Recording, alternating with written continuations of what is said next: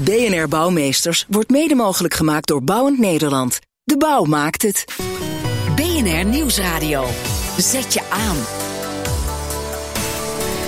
BNR Bouwmeesters. Stel, je bent de belangrijkste bouwadviseur van Nederland. Welk probleem los je dan als eerste op? Jan Posma. Sinds een half jaar is hij de architect des konings, oftewel de Rijksbouwmeester. De vraag naar woningen neemt toe, vastgoed staat leeg en zo zijn er nog wel meer uitdagingen. Deze man fluistert het Rijk in hoe ze die uitdagingen te lijf moeten gaan. Welkom bij BNR Bouwmeesters voor de bedenkers, bouwers en bewoners. Te gast de Rijksbouwmeester Floris Alkermade. Welkom. Ja, oké. Leuk dat u er bent. Uh, van huis uit de architect, stedenbouwkundige ook. Uh, nu bent u dus een van de belangrijkste adviseurs voor de bouw in Nederland. Heeft u die ambitie altijd gehad? Nee, eigenlijk niet. Uh, ik heb politiek eigenlijk vooral gezien als iets waar je vooral last van hebt als architect. En tegelijkertijd vond ik dat een te gemakkelijke houding. Dus ik heb op een gegeven moment toch, toen ik gevraagd werd, gezegd van nou, dit moet ik een keer proberen en, en zien wat er mogelijk is. Hoe had u als architect last van de overheid? Nou, kijk, eh, als architect probeer je natuurlijk vooral op vormgeving en op, op je gebouw en op je stedenbouwkundig plan te mikken. En uh, politieke belangen zijn eigenlijk niet altijd uh, daarmee in overeenstemming. Hè? Dus je probeert eigenlijk altijd zo autonoom mogelijk te opereren. En tegelijkertijd had ik natuurlijk wel de, de, de, het gevoel dat dat een te gemakkelijke houding was. Dus ik vond eigenlijk het interessant om eens te kijken in deze tijd, die, die eigenlijk heel interessant is, omdat er totaal andere mogelijkheden, maar ook totaal andere problemen zijn. Om te zien wat, wat een rol als Rijksbouwmeester zou kunnen inhouden. Moest u overtuigd worden om eh, dit te gaan doen? Ja, mijn eerste antwoord was nee. En, uh, maar toen ik erover ging nadenken, kwam ik inderdaad toch wel tot het inzicht dat het waarschijnlijk heel veel mogelijkheden zou hebben. Ja, kijk. Nou, uw baan lijkt ook een beetje op die van de bondscoach eigenlijk. Hè? Iedereen heeft er een mening over. Mm. Uh, redacteur Frederik Mol die zette even een paar van die meningen op een rij. De functie Rijksbouwmeester bestaat al ruim 200 jaar. In 1806 benoemde koning Lodewijk Napoleon de eerste architect des konings. Maar wat doet een Rijksbouwmeester eigenlijk precies? Rijksbouwmeester is een onafhankelijk adviseur van eh, de regering eigenlijk. Die adviseert over alles wat met architectuur, architectuurbeleid, planning en ruimtelijke ordening te maken heeft. Zegt voormalig Rijksbouwmeester Mels Krauwel. Maar over wat er nou daadwerkelijk op zijn agenda zou moeten staan, zijn de meningen over verdeeld. Ik vind dat de factor uh, cultuur in de taakomschrijving nauwelijks voorkomt of eigenlijk afwezig is. Ik denk dat de nieuwe Rijksbouwmeester net zo goed zou moeten werken voor de gemeentes en voor de provincies. Een uh, Rijksbouwmeester zou op een Europees niveau ook mee moeten denken. Ik denk dat de ruimtelijke kwaliteit het onderwerp is voor een Rijksbouwmeester. Het was de eerste Rijksbouwmeester eigenlijk die toen gekoppeld was aan de koning, die toen nog macht had, dat hij gekoppeld zou moeten worden aan de minister-president. Genoeg ideeën van verschillende kenners in een film van Architectuurlokaal. Als hij echt een verschil wil maken, zou hij het moeten hebben van zijn overtuigingskracht. Want directe macht, die heeft hij niet, zegt is heel klein, tenzij je door middel van overtuiging en je vakkennis, zodat ze je geloven, laat ik het zo zeggen, de mensen te weten overtuigen van wat goed en niet goed is voor ze. Als grote valkuil ziet Krauwel de politiek. En hij raadt de nieuwe Rijksbouwmeester ook aan zich daar vooral niet in te mengen. Je moet niet denken dat omdat je tussen politici zit, dat je partij moet kiezen of ook mee moet gaan doen in dezelfde spelletjes. Je moet gewoon eh, vanuit je vakgebied zo goed mogelijk die mensen op jouw vakgebied adviseren, zodat zij ermee kunnen doen wat ze eh, vinden dat ze ermee moeten doen. Ja, heel veel eh, meningen en ook adviezen.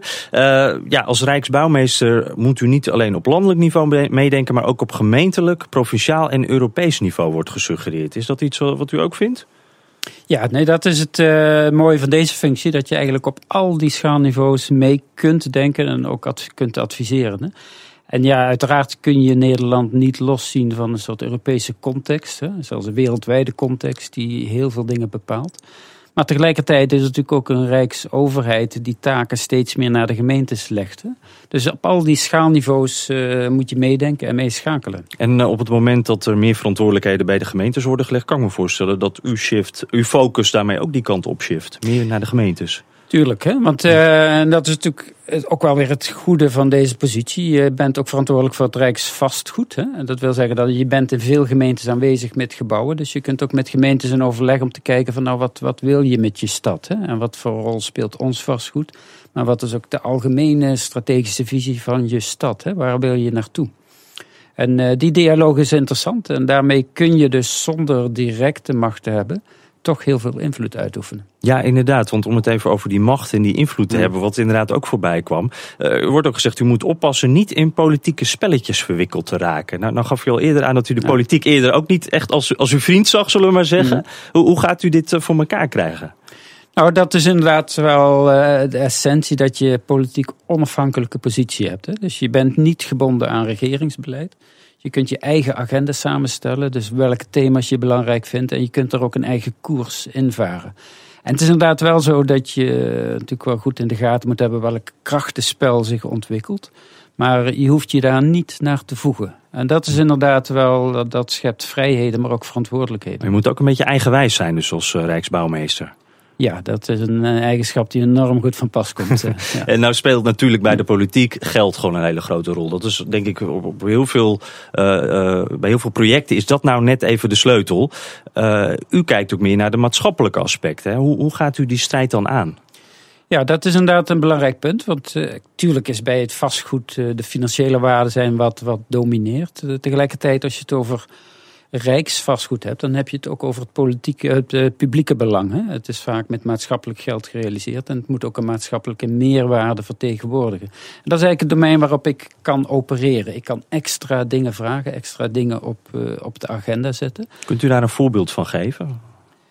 Nou, het, het, is het voortdurend zoeken naar wat, waar moet je het in de agenda over hebben? Waar gaat het echt over als je het over het maatschappelijk belang hebt? En dat kan eh, ook zijn in het openbare domein, hè, hoe je dat inricht. Het kan ook zijn van hoe ga je gebouwen toegankelijk maken voor een breder publiek. Hè? Heel veel gebouwen, ook overheidsgebouwen, worden steeds verder afgesloten.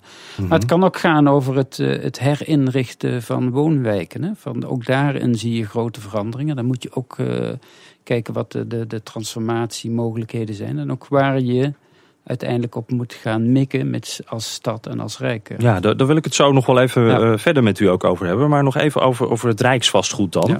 Ja. Um, kunt u aangeven hoe u daarbij dan de agenda zet? Hoe u de maatschappelijke belangen vertegenwoordigt als daarover gediscussieerd wordt? Nou, uh, kijk, het Rijk moet veel vastgoed afstoten. Uh, echt uh, gigantisch veel. Bent u ook degene die dan zegt bijvoorbeeld... we moeten niet voor de hoogste prijs gaan... maar laten we er mooie woningen van maken? Ja, ik probeer voortdurend op inhoud en op kwaliteit te sturen daarvan. En kijk, op het moment dat je een gebouw afstoot hier in Amsterdam... is dat iets anders dan dat je een gebouw afstoot... In, ergens in het oosten van het land waar krimp optreedt. Dat is een hele andere impact, een heel ander gevolg. Dus wij proberen ook echt te kijken van wat is de, de situatie, de context waar uh, dat vastgoed zich in bevindt. En wat voor thema's spelen daar. Hè? Die proberen we mhm. ook in beeld te brengen. Wat is eigenlijk de dynamiek die zich in Nederland nu afspeelt. Kunt u dat omschrijven? Want u geeft al heel duidelijk het verschil aan tussen de Randstad en uh, andere mm. gebieden, krimpregio's. Ja. Nee, kijk, waar, waar wij ook wel in geïnteresseerd zijn van uh, bestaat de Randstad eigenlijk wel. Hè? Het is natuurlijk een beeld wat we heel sterk hebben. Hè? Randstad, het groene hart en eromheen een gebied wat er eigenlijk niet zo toe doet. Terwijl als je echt in beeld brengt waar de echte dynamiek zit, bijvoorbeeld de economische dynamiek, dat is geen Randstadpatroon, dat is een A2-corridor met een aantal gebieden eraan. Als je kijkt waar zitten de echte uh, gebieden met een hoge levenskwaliteit, is geen randstad, is een soort horizontale band door, het, door Nederland. Hè. En zo proberen wij allerlei thema's in beeld te brengen, die een hele andere vorm aannemen dan de randstad. En waarmee wij in combinatie met een, een soort visie voor het land, een visie voor het vastgoed, kijken wat je daarin kunt doen. Dus eigenlijk zegt u, uh, u leert ook Den Haag op een andere manier naar Nederland te kijken. Ja, want uh, dat is het interessante, dat iedereen beelden heeft.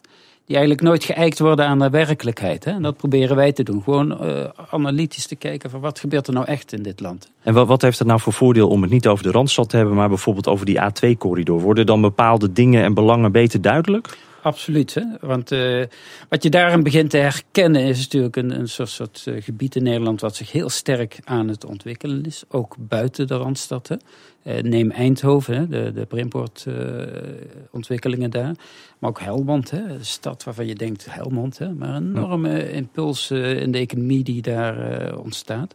En dat is interessant, want daar kun je op inspelen. Ik probeer een beleid te maken wat niet probeert te voorkomen wat eigenlijk al vanzelfsprekend is, maar juist uh, te kijken van kun je nieuwe krachten gebruiken om andere bewegingen te maken. Ja, kijk, nieuwe krachten. Daarover gesproken, we zitten inmiddels op 17 miljoen inwoners in dit land. Hoe zorgen we dat die allemaal een dak boven het hoofd krijgen? BNR Nieuwsradio. Zet je aan. BNR Bouwmeesters. Wat is het overal toch druk, hè? Nederland telt inmiddels 17 miljoen inwoners. En er zijn niet alleen meer mensen bijgekomen, ook het aantal alleenstaande huishoudens groeit. Logisch gevolg, we hebben meer huizen nodig. Hierover praat ik verder met mijn gast Floris Alkemade, de Rijksbouwmeester. Laten we eerst eens even kijken hoe concreet we het kunnen maken. Want ik kom heel veel verschillende cijfertjes tegen voor de komende jaren. Het is ook moeilijk te voorspellen natuurlijk. Maar hoeveel uh, woningen hebben we nou nodig? Hoeveel mensen moeten we onderdak geven extra? Ja, dat is, uh, cijfers zijn moeilijk op dat punt. Hè. Uh, we weten dat we op dit moment ongeveer 3% woningen tekort hebben. Hè. Dat zijn, uh, we hebben de afgelopen jaren zo'n 50.000 woningen gebouwd. dat moet naar 70.000. Dat lijkt nu die kant op te gaan. Is dat 70.000 erbij? Of? 70.000 woningen per jaar erbij. Ja. En, en dan hebben we waarschijnlijk nog steeds tekort. En uh, dat heeft natuurlijk ook te maken met inderdaad een enorme groei van uh, het aantal alleenstaande huishoudens. Hè. We groeien naar 40% alleenstaande toe. En uh, dat heeft er ook mee te maken dat met name op dat gebied er echt te weinig woningen zijn. Hè. Ja. Kijk, ehm, veel alleenstaande wonen gewoon in, in gezinshuizen. Hè. Wat, wat natuurlijk ook goed kan. En veel mensen zijn er ook totaal gelukkig in. Uh, tegelijkertijd uh, zijn er ook wel mensen die uh, graag een wat kleinere woning zouden hebben. Als die wel in het stad ligt. Hè? Ja, en die hebben dan misschien een kamertje over. Stop er dan twee gezinnen in, bij wijze van spreken. Ik kan me voorstellen dat dat dreigende woningtekort. dat dat eigenlijk uw belangrijkste dossier is voor de komende paar jaren. Hoe, hoe, gaat u dat oplossen? Waar, waar gaat u zich op richten? Nou, kijk, je ziet nu de crisis aan uh, weer enigszins uh, oplost. Dat uh, veel bouwbedrijven weer in de startblokken staan om door te gaan zoals ze het altijd deden. De, de, de weilanden volbouwen. En voor een gedeelte zal dat ook zeker nodig zijn. Hè? maar ik vind het wel interessant om er een tweede bouwstroom aan toe te voegen. Namelijk het ombouwen van leegstaande gebouwen. En dat is het vreemde in Nederland. Hè? We hebben een woningtekort en we hebben in totaal bijna 50 miljoen vierkante meter leegstand. En uh, dat is interessant om te zien, wat kun je daar nu mee? Hè? Mm -hmm. En uh, de markt pakt dat goed op. Ja, het gebeurt al, ja. maar je, ik hoor ook wel eens om me heen... Uh, de makkelijkste panden die zijn al omgebouwd. Nu komen de probleemgevallen. Die ja. op een misschien niet de goede plek, vervelende locatie, duur om om te bouwen. Wordt het niet steeds moeilijker om kantoorpanden om, om te bouwen? Het wordt steeds moeilijker en dat maakt het eigenlijk ook steeds leuker. Want het wil zeggen dat je ook echt een beroep gaat doen aan, aan op de ontwerpkracht hè, van de architecten. En dit is waar architecten op zitten te wachten. Vragen die relevant zijn, waar het ertoe doet wat zij kunnen. En uh, inderdaad dat een gebouw uh, slecht, lelijk, et cetera is geeft een, eigenlijk veel meer vrijheden om in te grijpen. Hè? En dat, ja, dat, is eigenlijk een prachtige opgave. Maar ik denk die hele mooie uitdaging voor de architect is tegelijkertijd ook een behoorlijke drempel voor de projectontwikkelaar, toch? Want dat is duurder. Nou, dat hangt er maar van af. En je ziet inderdaad dat projectontwikkelaars daar veel moeite mee hebben. Dat die vaak niet de kansen zien die architecten wel zien. En uh, het is inderdaad zelden zo dat het. Uh, of het is eigenlijk niet altijd zo dat het dan meteen heel veel duurder wordt. Hè? Architecten mm -hmm. zijn waanzinnig intelligent om uh, te zoeken naar oplossingen die niet per definitie meer geld kosten, maar die wel slimmer omgaan met wat je hebt. Zit dan uh, hier de, de, de drempel uh, zit dan toch bij de, de ontwikkelaars die dat misschien meer in moeten zien? Ja, en ik ken meer architecten die echt prachtige gebouwen omgebouwd hebben. Hè? Uh, of in ieder geval hele lelijke gebouwen prachtig hebben omgebouwd. En waar eigenlijk geen investeerder in het begin in durfde te stappen. En op het moment dat het gerealiseerd is, zien ze die kwaliteit. Hè? En dat is eigenlijk een, een, nieuwe manier van denken, een nieuwe manier van ontwerpen. Van neem een bestaand gebouw, hoe lelijk ook, hoe moeilijk ook. Ga eraan ontwerpen en maak er iets van wat ineens een enorme waardevermeerdering heeft. Mm -hmm. hè? Pak die uitdaging. Ja. Nou heeft u, wil u ook uh, wijken herstructureren. Hoe ziet u dat? Ja, wat je, wat je ziet in Nederland, een enorme hoeveelheid uitbreidingswijken. Hè? En, uh, We hebben het dan over de jaren 50 wijken? De jaren 50, 60. Uh, en allemaal wijken die zijn opgezet in één keer. Maar ook opgezet zijn op een manier dat toen de maatschappij nog totaal anders functioneerde. Hè? De verzorgingsstaat, wijken met zorginstellingen, scholen, bibliotheken. En je ziet dat dat precies de programma's zijn die op dit moment onder druk staan. Hè? Tegelijkertijd zien we een enorme vergrijzing opkomen. Dat betekent gewoon dat de hele structuur van die wijken eigenlijk niet meer gebaseerd is op wat we nu nodig hebben, maar wat op toen mogelijk was. Hè? En ik vind dat uh, interessant om te kijken van hoe kun je die wijken nou gaan herstructureren. En dan heb ik het niet alleen over isoleren en een nieuw verfje, maar echt stedenbouwkundig ingrijpen. En hoe ziet dat er dan uit? Deels kan dat zijn dat je dingen sloopt. Deels kan het zijn dat je verdicht. Deels kan het zijn dat je hele andere woonvormen gaat toepassen. En dat maakt steden interessant. Hè? Binnensteden die wij altijd zo mooi vinden, zijn, zijn stukken stad waar voortdurend aan gesleuteld is. Hè? En die bewerkingen kunnen we nu op onze uitbreidingswijken gaan toepassen. En de, wordt, de stad wordt er beter uh, van. Krijg ik dan, als ik door zo'n jaren 50, jaren 60 wijk uh, loop, wat, zou ik dan zien over tien jaar? Hoe ziet dat er dan uit? Herken ik het nog terug? Of? Ja, zeker zul je dingen terug herkennen, maar uh, vooral veranderingen in het openbare domein. Misschien nieuwe lanen, nieuwe verbindingen. Maar mhm. deels ook uh, wellicht verdichtingen. Hè? En deels Dichtingen? ook verdichten. Dus uh, dat je erbij bouwt. Hè? Ja, ja. En uh, het is niet altijd zo dat hoe meer open ruimte, hoe beter. Hè? Soms heb je ook juist een wat compactere vorm van stedenbouw nodig. En het interessante is natuurlijk dat daarmee, de, de, ook als je leegstand aanpakt, de, de stukken stad die nu aan het kwijnen zijn, een totaal nieuwe dynamiek krijgen. Hè? En dat is, uh, dat is prachtig om te zien, hè? hoe uh, dat soort gebouwen ineens een bijdrage leveren aan de stad. Nou staat uh, Nederland eigenlijk vol met dit soort wijken die u omschrijft. Dus dit is wel een enorm project. Hoe, hoe gaat u dat voor elkaar krijgen in vijf jaar? Nou, precies. Je kunt natuurlijk niet al die wijken aanpakken, maar je kunt wel een aantal voorbeeldprojecten maken. En je kunt ook uh, een soort ideeënprijsvragen uit gaan schrijven, waarbij je de, de innovatie gaat opwekken, het nadenken erover. Mm -hmm. Dus het is niet zo dat ik alle antwoorden ga geven, maar ik kan dus wel de weg voorbereiden om te zorgen dat er nieuwe antwoorden komen. En, uh, en dat, uh, dat hebben we nu ook al geprobeerd met een ander vraagstuk. U haalt me de woorden uit de ja. mond. Dan hebben we het over uh, de, de, vluchtelingencrisis, de opvang, nieuwe huizen bouwen. Daarvoor daar heeft u een prijsvraag voor uitgeschreven. Ja. En dat loopt aardig storm, begreep ik. Ja, dat is indrukwekkend hoeveel mensen daar dan op springen. We hebben nu in deze prijsvraag 366 teams die plannen hebben ingediend ideeën hebben ingediend. We hebben nadrukkelijk niet een heel uitgewerkt plan gevraagd. Maar er is echt de vraag gesteld van... dit is een echt maatschappelijke stresstest. Hè? Hoe gaan we om met deze vluchtelingen?